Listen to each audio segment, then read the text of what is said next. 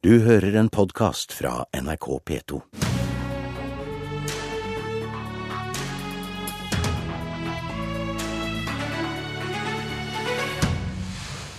Hvis vi allerede sliter med hvordan vi skal betale for eldrebølgen, hva skjer hvis det kommer ei regning til på 750 milliarder kroner?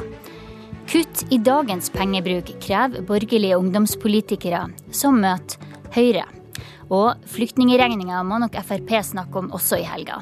Det skal vi òg snakke om her i Politisk kvarter. Som vi fortalte i Dagsrevyen, 750 milliarder kroner over 60 år.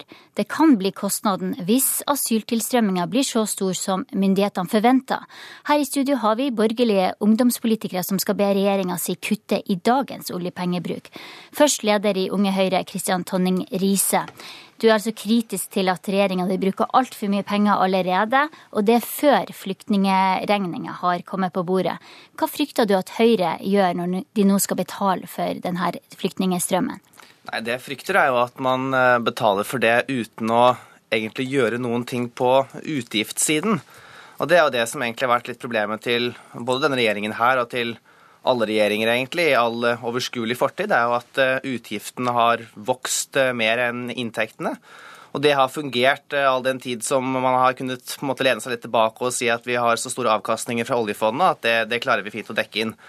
Så vet vi at om ikke så mange år så klarer vi ikke å dekke ned med avkastningene fra oljefondet lenger. og Da vil vi begynne å spise av oljefondet i stedet i stadig økende takt, inntil det da er borte, hvis ikke vi, vi gjør noen ting. Eh, så jeg mener jo at eh, man burde man er nødt for også benytte muligheten nå til å gjøre noe på utgiftssiden. Der jeg syns at regjeringen gjør en god jobb, er å bruke utgiftene på mer riktige ting enn det den forrige regjeringen gjorde.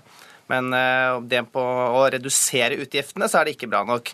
Men der må jeg også legge en liten utfordring til samarbeidspartiene også, da. For det er jo sånn at hvis vi ser på hva KrF og Venstre har krevd nå i forhandlingene, så er det jo ikke sånn at de heller krever ting som reduserer utgiftene. De krever jo også ting som øker utgiftene enda mer. Så her tror jeg vi har en jobb å gjøre med moderpartiene våre alle sammen. Ja, Vi har med oss den nyvalgte lederen i Kristelig Folkepartis Ungdom, Ida Lindtveit. Først, gratulerer med nytt verv. Takk for det. Eh, du syns også voksenpolitikere, også veldig godt hjulpet av ditt eget parti, bruker altfor mye penger nå. Hva bør regjeringa kutte i?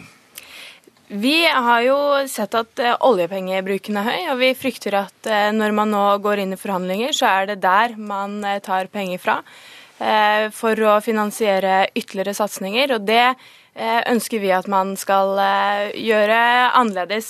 Så vi helgens landsmøte vedtok en kuttliste med forslag til eh, både regjeringen og vårt eget moderparti, med forslag til hva de kan kutte i av utgifter som eh, vi mener man bør begynne å se på nå.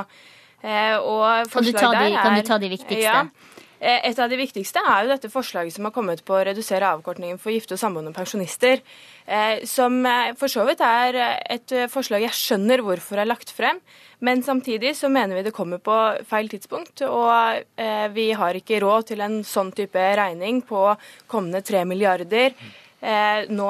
En annen ting er at de legger inn en ekstra naturfagstime. Samtidig som vi vet at ikke ekstra skoletimer er det som gjør at resultatene eller læringsutbyttet blir bedre. Eh, og vi har eh, f.eks. kutt i formuesskatten, som eh, vi mener at ikke burde vært gjort når man kutter selskapsskatten sånn som man gjør, og at man heller burde fokusert på det. Svein Flåtten, finanspolitisk talsmann for Høyre, velkommen hit. Takk. Er det dere voksne som knuser sparegrisen til ungdomspolitikerne som sitter her? Nei, det er jeg uenig i. Altså Det viktigste vi kan overlate til neste generasjon, det er at flest mulig er i jobb. Og da må det skapes nye jobber. fordi vi kan ikke lene oss på oljefondet for all fremtid. Om det er lite fond eller stort fond, så kan vi ikke lene oss på det. Det er arbeidsinnsatsen til hele landet som teller. Større andel av folket må bli sysselsatt. Det er den arven vi skal gi videre, og det er det som er gjort i årets budsjett. Vi har stimulert til å investere i nye arbeidsplasser. Vi styrker det som går på samferdsel, på kunnskap, på forskning, på skattelettelser. Alt som gjør at noen kan etablere de arbeidsplassene som disse unge menneskene her, og veldig mange tusen andre skal inn i i framtida. For det er det som vil være vår formue framover. Vi skal leve av det vi produserer hele tiden. Vi skal ha lønnsomme arbeidsplasser. Og det er det som er i bunnen av velferdssamfunnet. Altså, Hvis vi kan øke andelen sysselsatte i befolkningen, det er båndplanken i vårt velferdssamfunn. Etter, etter, finanskrisen så har dette minket, og det er en alvorlig utvikling. Men dere bruker jo rekordmange oljekroner nå. Hvordan skal fremtidige generasjoner ha mulighet til å gjøre det samme når, når, de, blir, når, når de, skal ta regninga? Det er nettopp det jeg sier, at eh, det skal ikke være nødvendig. fordi at da har vi skapt ved å bruke noe mer penger nå i motgangstider, i stedet for å bremse, så gir vi litt gass, slik at vi skaper nettopp disse arbeidsplassene som gjør at landet blir rikere fremover. Men ikke ved å lene seg på en pott med penger, men på arbeidsplasser som gjør at folk er i stand til å forsørge seg selv, leve sitt eget liv. Det er jo det som er knuten i det hele, og det tror jeg ganske mange vil være enig i. Og derfor så mener jeg at vi har hatt en balansert bruk av oljepenger nå. Og det er bare å gå til alle økonomer som sier at eh, gitt dagens situasjon med ganske mye motbør fra oljenæringen, så er dette en eh, god tilnærming til hvordan man skal gjøre det. Nå er mange som vil komme til ordet her. Tonning Riise i Unge Høyre, hva er de viktigste oppfordring til eh, ditt moderparti? Jo, men altså jeg har lyst til å si at Det er jo helt, det er jo helt riktig nå også at man må bruke nå mer penger på ting som vil skape vekst i framtiden. Og Der ønsker jeg å, å gi ros til dagens regjering. Der gjør de det som den forrige regjeringen ikke gjorde at man nå bruker pengene i større grad på utdanning, på forskning, på infrastruktur, på vekstfremmende skatteletter. Men vi kommer ikke utenom også måtte gjøre noe på utgiftssiden. Og det er der jeg er kritisk. Eh, fordi at man gjør veldig mye bra på å bruke utgiftene på de riktige tingene, men den kostnaden blir likevel så stor at hvis ikke man gjør noe på utgiftssiden, så vil man måtte ta ganske dramatiske, dramatiske kutt i, i framtiden. Og der er det over hele den politiske linjen i Norge så er det ganske lav vilje til det. Du kan kanskje si at Høyre er det minst ille av åtte utgiftspartier på Stortinget akkurat nå, men eh, vi er nødt for å komme over i en debatt etter hvert på, som ikke handler om at uh, all politikk skal måles i hvor mye mer penger du bevilger ekstra hvert eneste år. Lindtvedt, hvordan KrF-saker vil du kutte i for å betale for flyktninger og eldrebølger fremover? Først vil jeg si at jeg er helt enig med Flåtten her i at eh, det er arbeid som er eh, det helt grunnleggende for vårt eh, velferdssamfunn. Men samtidig så hopper han jo bukk over de utfordringene vi har på utgiftssiden, og på de utgiftene som er i dette statsbudsjettet, som ikke er det som skaper flere arbeidsplasser. Og det er der jeg mener at vi må kutte. Eh, når det gjelder KrF sin politikk, så har KrFU i flere år vært klare i oppfordringen til KrF om at i fremtiden så må vi behovsprøve flere tjenester, slik at vi vet at eh, de utgiftene vi har, det går til de som er de svakeste i samfunnet, de som trenger det absolutt mest. Eh, og så kan eh, de som er rike, de kan få mindre av de tjenestene som man gir, f.eks. barnetrygd. Altså vil dere ikke bruke av bistandsbudsjettet for å hjelpe noen av flyktningene? Nei, vi mener at sånn som situasjonen er i dag, så er det feil å gi regningen til eh, verdens fattige. Men dere vil jo kutte i sykelønna. Det er Norges syke som skal ta den regninga istedenfor? Nei, vi mener at vi må se på noen av de utgiftene som vi har i dag, er, og de ordningene vi har i dag, som er veldig mye mer lukrative enn i andre land.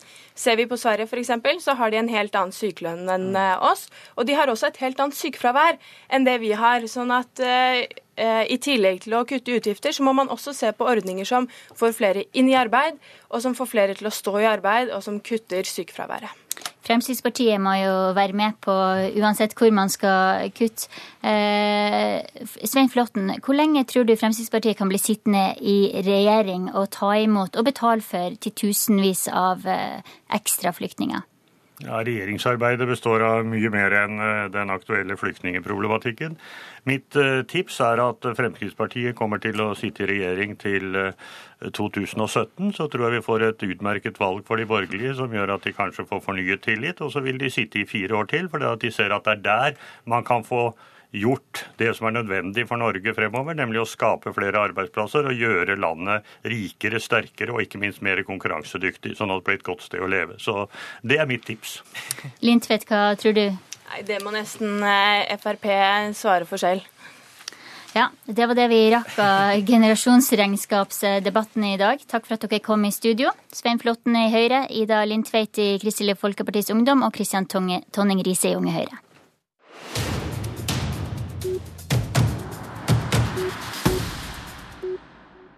Fremskrittspartiet skal i helga evaluere livet i regjering på landsstyremøte. Og det er for første gang siden et skikkelig elendig kommunevalg hvor de bare fikk 9,5 Nå må de også tåle en kraftig økt asyltilstrømming. Politisk kommentator i NRK Lars Nehru Sand. I sommer så forventa mange at dette skulle bli ei skjebnehelg.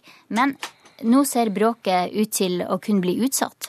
Ja, Det er ikke evalueringen av valgkampen som kommer til å bli det mest interessante i så henseende på helgens Frp-landsstyremøte, men derimot hvordan de skal takle eh, budsjettet og forhandlingene om eh, de ekstraordinære utgiftene til eh, flyktningstrømmen. Ja, Hva slags valg er det de står overfor når de da skal gjøre det? Nei, det som, eh, Når de nå evaluerer valgkampen, så er nok det viktigste å, å, eh, for partiet å gjennomgå hvordan de har vært organisert i, i, forkant. Eh, det er jo store sprik i hvilke valgresultater de har opplevd rundt omkring i landet. Selv om de ikke er fornøyd med, med hovedresultatet, så er det nok en intern diskusjon preget mye av hvordan de bygger organisasjon, hva slags apparat de har rundt Siv Jensen, hvor synlig hun kan være som finansminister, og en opplevelse fra grasrota om et mye mer toppstyrt styrt parti enn Frp tradisjonelt sett har vært. Hvordan hvilke hjertesaker er det da viktig for partiet å beholde når de nå skal forhandle med KrF og Venstre om budsjett? Da får de jo synliggjort, eh, eller håper de sikkert å få synliggjort en del Frp-politikk. Ja, Det er nok der vi bør følge mest spent med inn i helgen, hva Fremskrittspartiet vedtar i en form for resolusjon eller på en annen måte. Eh, hvordan de eh, setter ned eh, foten, nær sagt, for hva de kan kompromisse på i det forslaget til budsjett regjeringen allerede har. Den viktigste profilsaken til Frp har jo vært dette nye regimet for avkortingsregler eh, for eh, gifte og samboende pensjonister. At den ordningen blir som regjeringen nå har foreslått, selv om det koster masse penger, det er avgjørende viktig for Frp, fordi det er en så tydelig profilsak som ikke ville vært eh, fremmet hvis ikke Frp satt i regjering. Og så er det klart at Frp er veldig fornøyd med alt som handler om vei og helse og eldreomsorg. Og det er viktig for Frp at det er en tydelig Frp-profil også etter at eh, sentrumspartiene har vært der, og etter at, eh, at flyktningutgiftene er dekket. Men denne avkortninga til gifte og samboende pensjonister, som mange ser på som en skattelette, er jo under press fra andre partier. Kan de klare å beholde den? Ja, Det blir jo kanskje det mest spennende i eh, budsjettdiskusjonen. fordi som du sier, både Kristelig Folkeparti og Venstre har sagt at det er noe av det første de vil kutte. Det kommer også fra KrFU her i Politisk kvarter nå. Eh, så det vil være en kamp for Frp. Men jeg tror også der vil helgens landsstyremøte si tydelig fra om at det er noe i nærheten av et ultimativt krav fra Fremskrittspartiet. Ja, det Er aktuelt at de forlater regjeringa? Det tror jeg ikke, men de ville også sette ned tydelige krav til hvordan man kan stramme inn på asyltilkomsten, i den grad man kan det. Hvordan man skal sette tydelige minstestandarder for, for uh, hva flyktningene skal få av tjenester og, og service når de uh, kommer hit. Og selvfølgelig også et, uh, et, økt fokus på hvordan man kan uttransportere asylsøkere raskere når søknaden er avslutta behandling. Da debatten om 8000 syriske flyktninger raste i sommer, så var det mange som krevde at Frp skulle trekke seg ut av regjering. Nå er det snakk om tre ganger så mange bare i år. Er ikke det et paradoks? Jo, på sett og vis. Samtidig så er det jo sånn at det er lett å justere antall kvoteflyktninger som kommer. Det er et valg eh, vi tar som nasjon. Eh, mens asylankomsten kan man jo ikke regulere fordi folk har en rett til å søke asyl. og Derfor så, så vil det være vanskelig å, å estimere hvor mange asylsøkere som kommer, selv med Frp i regjering. Ja, da skal vi avslutte. Takk til politisk kommentator i NRK Lars Nehru Sand. Programleder her i Politisk kvarter var Linda Reinholsen. Du har hørt en podkast fra NRK P2.